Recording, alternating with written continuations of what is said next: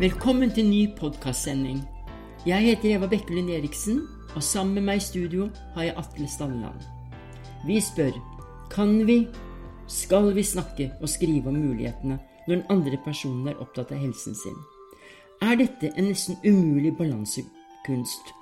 Og hva kreves av språket vårt og formidlingen vår, slik at vi både anerkjenner og motiverer i en vanskelig livssituasjon? Dette skal vi diskutere med de tre gjestene, som vi også har med oss i dag. Solvår Ramsli Ramstad, som hadde kontakt med Nav i mange år.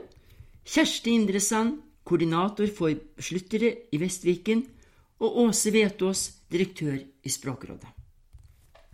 Solvår Ramstad, velkommen hit til studio i, på Godt navsk. Du har hatt kontakt med Nav gjennom eh, en periode. Og, og, hva slags situasjon var det du var i som gjorde at du kom i kontakt med Nav først? Ja, tusen takk. Det er veldig fint å være her. Eh, jeg eh, kom i kontakt med Nav helt i 2011. Så det begynner å bli ganske mange år siden. Da jeg gikk på skole og ble syk og ble sykemeldt. Og så var det da en periode jeg først havnet på sosialstønad, før til slutt til jeg da fikk innvilget arbeidsavklaringspenger, da. Mm. Hvordan uh, opplevde du kontakten med Nav da du ble syk? Um, det var ikke Jeg husker veldig godt det jeg tenkte på når jeg skulle hit, var at jeg tror faktisk det gikk eh, et halvt år eh, før jeg fikk kontakt med Nav eller ble innkalt til møte etter at jeg fikk innvilget arbeidsavklaringspenger. Eh, med beskjed, og da fikk jeg beskjed om at jeg hadde eh, måtte prioritere de som ikke hadde fått penger, da, fordi det var eh, så stor pågang. Eh, så jeg hadde jo lite kontakt med Nav den første tiden jeg var syk, da. Mm. Ja, ville du hatt mer kontakt? Um, ja, jeg tenker at det, da gikk jeg jo veldig, en veldig lang periode uten at jeg hadde noe aktivitet eller noe plan eh, for, på en måte, hva jeg skulle gjøre, eller hva som kunne være godt i min situasjon. Jeg tror at i ettertid så ser jeg jo at det, at det, var, det var, flere sånne perioder da, de første årene. Eh, jeg eh, fikk stønad fra Nav og var, var i behandlingssystemet. da. Så i ettertid så ser jeg at det nok var med på å forverre sykdomssituasjonen min. Eh, så det jeg hadde ønsket, er nok eh, ja, mer kontakt tidligere, og at eh, både Nav og helsevesenet kunne samarbeidet mer, da, at man hadde tenkt mer helhetlig. Mm. Og også det at jeg husker spesielt de første For jeg hadde, har jo vært i Nav-systemet i mange år. Så de første jeg tror det var de første to årene så hadde jeg liksom tre saksbehandlere da, på, på, to år. Og liksom alle hadde hver sin plan eller idé om hva det var jeg skulle gjøre, hva som var riktig. Så det var liksom fra det ene til det andre. Så det var var liksom vanskelig å, å, lande helt på noe og se hele situasjonen, da. Snakket eh, Nav med deg om mulighetene dine også, eh, selv om situasjonen din var vanskelig da? Ja, det gjorde de også. Men det var også kanskje variasjon, en stor variasjon på det eh, ettersom hvilken saksbehandler jeg hadde, da. Men de var jo også opptatt av muligheter og, og ressurser ved siden av at de så det som var eh, vanskelig, eller som ikke fungerte så godt. Mm. Mm. Når passer det egentlig å snakke om mulighetene? Jeg tenker at det egentlig alltid passer å snakke om mulighetene.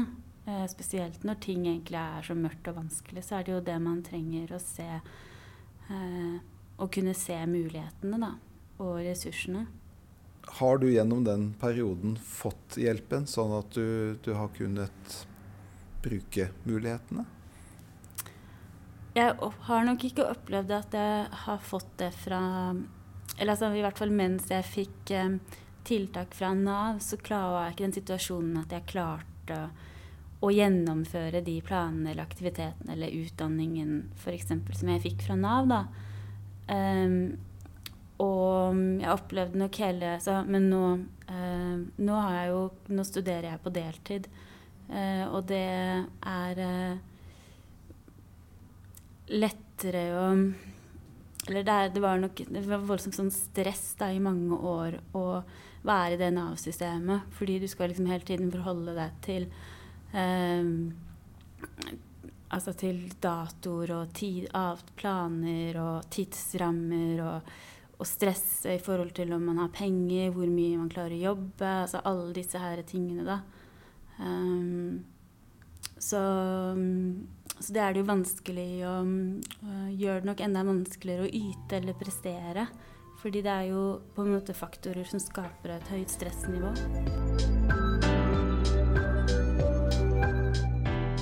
Tusen takk, Solvor, for at du delte dette med oss. Eh, nå får vi en ny person på vei inn i studio her, og velkommen Kjersti Indresand. Du er koordinator for besluttere i Vestviken. Og hva tenker du når du hører eh, Solvårs historie her? Eh, det var en veldig fin historie som jeg hørte fra Solvår. Eh, jeg tenker jo at det hun påpekte, at vi kanskje i Nav må være litt flinkere til å kartlegge den enkelte, enkelte person sine faktiske muligheter. Det her med kvalifikasjoner, ferdigheter, og at hun opplever det at veilederne på Nav er så forskjellige i måten man begynner å kartlegge, eller når man kartlegger. Det syns at man gir så forskjellige råd. Det er i hvert fall det som slår meg litt. Grann. Gjør vi egentlig jobben vår når arbeidsevnevurderingen og samtalereferatene i stor grad handler om helseproblemene og, og lite om mulighetene og ressursene denne personen har? Mm. Hvis jeg går på arbeidsevnevurderingen direkte, så er det jo sånn i dag at eh, de aller fleste som får den første arbeidsevnevurderingen, det er jo folk som søker på en, en AP. De søker på arbeidsavklaringspenger. Mm. Og da er det sånn, som jeg sa i stad, at det er inngangsvilkåret er at man skal være syk. For å si det litt sånn tabloid. Eh, og da er det veldig lett å begynne å kartlegge hindringer. Eh, og det er kanskje det vi snakker med, med en person som søker om arbeidsavklaringspenger også, som skal ha den arbeidsevnevurderingen. Og da er det liksom sånn Føler vi da som eh, Nav som sitter der og kartlegger, at vi får en bestilling fra personen til å snakke om hindringer? Og bestilling fra lege og behandlere at det her er så mye hindringer at det er der som fokuset skal være. Er arbeidsevnevurdering egentlig riktig? Er det et riktig navn? Uh, du kan ha nok av evner men kanskje ikke kunne være produktiv samfunnsborger som vi krever. Vil det være bedre å si f.eks. jobbmulighetsvurdering? Ja, det er spennende eh, tanke, Eva. Eh, I arbeidsevnevurderingen og arbeidsevne i Nav blir jo gjerne satt et likhetstegn som funksjon. Og er det egentlig arbeidsevnevurdering i dag egentlig mer en funksjonsvurdering enn det er faktisk å beskrive en persons reelle jobbmuligheter? Eh, jeg tenker jo det at vi kanskje heller bør tenke arbeidsevnevurdering som en mer sånn type gapanalyse. At det er en persons muligheter og hindringer, så skal vi finne mulighetene. Og de mulighetsrommet der, det er det som skal være eh, vurderingen vi skal gjøre i den enkelte sak. Eh, og jeg syns absolutt at arbeidsevne bør settes likestegn med jobbmuligheter. Nedsatt arbeidsevne, da har du få jobbmuligheter. Men så er det vår oppgave da å forklare folk som får den, hvorfor vi mener det. Vi mener at du har få jobbmuligheter fordi. Eh, når vi er ute og har språkverksteder, får vi også høre at besluttere, eller fagressurser som de kalles andre steder, noen steder, at de kan være en bremsekloss i språkarbeidet. At de faktisk kan gi beskjed om at nei, de, ord, de ordene der får du ikke. Du må ha med virkningstidspunktet, du må ha med maks. Du må ha med alle de ordene som vi er vant til å bruke, og som skal brukes for det lovord. Hvordan reagerer du på den påstanden? Eh, det er sikkert eh, noen som eh, får sånne tilbakemeldinger som gjør arbeidsevnevurderingen av, av den beslutteren eller den kvalitetssikreren. Jeg jo, koordinerer jo et beslutterteam i Nav Vestviken, eh, og vi har jobba med språk i, mange år. Eh, det vi er veldig opptatt av, det er at man ikke skal bruke sånne typer vanskelige ord, som kanskje er i et lovverk som ble laga for 30 år siden, at det er der det står. Det hører ikke noe med i vokstidspunkt, virkningstidspunkt. Det, her, det, er, det er pengeting, og det har ingenting med å vurdere en persons jobbmuligheter å gjøre. Eh, men at noen får en, en, sånn type tilbakemelding, det er jo synd. Eh, da er det jo også igjen kanskje at vi er nødt til å begynne å jobbe med eh, kvalitetssikrere og språk. For kvalitetssikrere eller besluttere skal jo være portvokter til noe penger. Men kanskje man også er nødt til å tenke at de kanskje også kan være en god ressurs å ha inn i språkarbeidet også. Det var en, et veldig godt råd.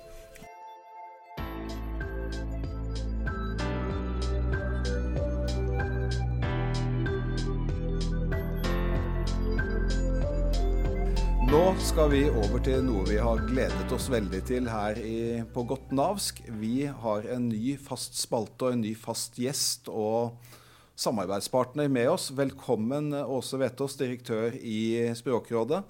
Tusen takk. Veldig glad for å være her.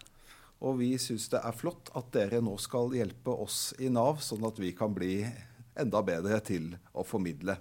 Her snakker vi jo om språk og, og helse. Og når man har en diagnose, og, og, denne er utgangspunktet for mye av dialogen med Nav, da er det mange vanskelige ord. Hvordan kan vi løse det på en best mulig måte? Det er det flere grep for å løse. Vi må huske på det at eh, det språket som jo blir brukt for å beskrive tilstand, prognose osv., det kan jo ofte være ganske ugjennomtrengelig for folk flest. Men når en er pasient eller når en er bruker, så er det jo viktig at en får den informasjonen en trenger, sånn at en kan gjøre eh, de rette tingene til rett tid. Og hvis vi ønsker det som er ambisjonene til eh, staten, rett og slett å flytte makt over på pasientene mm. og gjøre dette til pasientens helsetjeneste, så må òg språket være av en sånn art at pasienten faktisk kan bli sjef for sin egen helse og for sin egen behandling. Ja, for i dag ligger det mye ubevisst bruk av makt i språket fra, fra Nav og andre offentlige etater? Ja, og dette handler jo ikke først og fremst om vond vilje, men det handler eh, kanskje om at det ikke er eh, noen tradisjon for eh, deling av språk, at det ikke er noen avtale mellom forskjellige ledd i eh, behandlings- og oppfølgingsapparatet om hva slags språk som skal brukes. Og så handler det nok òg om at eh, en del dokumenter og en del brev har flere mottakere, f.eks både fastlege og eh, bruker, og at eh, språket da kanskje er mer tilpassa den ene enn den andre. Ja, Hvordan kan vi løse det på en god måte, når det er både leger med all deres fagkunnskap om det medisinske, og en pasient som ikke har de samme forutsetningene i det hele tatt, som skal motta dette brevet? Der har Språkrådet ganske mange gode praktiske råd. Og det som jo er eh, viktig å vite om her, det er at vi nettopp har fått en ny språklov som faktisk eh, sier at alle eh, har rett til å få klare og brukervennlige informasjon fra det offentlige. Så det må ligge i bånn. Og hvordan skal en gjøre det? Vi har en del konkrete tips. F.eks så anbefaler vi alltid, når en da eh, uttrykker seg skriftlig til brukere, begynn med det viktigste først. Hva er det som er bestemt? Hva er det som har skjedd? Hva er det som er nytt? Det er viktig å ikke prøve å skrive alt på en gang i en lang setning. Det aller viktigste, det må en skrive først. Og så må en òg beskrive på en tydelig og brukertilpassa måte hva det er en forventer at mottakeren, brukeren, skal gjøre. Hvordan skal brukeren handle på den informasjonen som kommer. God struktur er alltid viktig, og bruk enkle ord. Bruk ord som er tilpassa det som er primærmottakeren for informasjonen. En kan ikke skrive om sekveler og anevrismer når en prøver å eh, rette informasjonen inn til vanlige borgere. Det er medisinsk fagspråk som medisinerne selvsagt skal få bruke, men i møte med pasienter som skal bli sjef for sin egen behandling, så går ikke det. Det var veldig gode råd å ta med seg. Tusen takk. Vi kommer tilbake til deg i senere podkaster. Og nå drar det oss rett over på det vi hører i bakgrunnen her. Vår eh, gamle, kjente søppelbilen er på vei Og det er du, Kjersti, som skal velge hvilket gammelnavsk ord som den skal ta med seg denne gangen. Og vi er spente, Eva. Ja, jf. den uh, samtalen vi har hatt nå, så er jeg jo egentlig frista til å kaste hele arbeidsevnevurderingsbegrepet.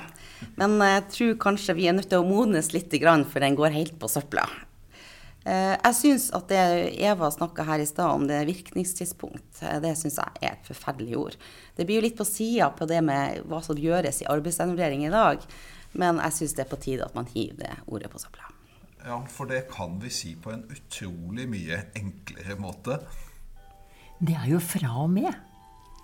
Da går virkningstidspunkt i søpla fra og med nå. Tusen takk til deg, Kjersti. Eh, Eva og jeg er tilbake med en ny podkast neste måned. Fortsett å følge oss.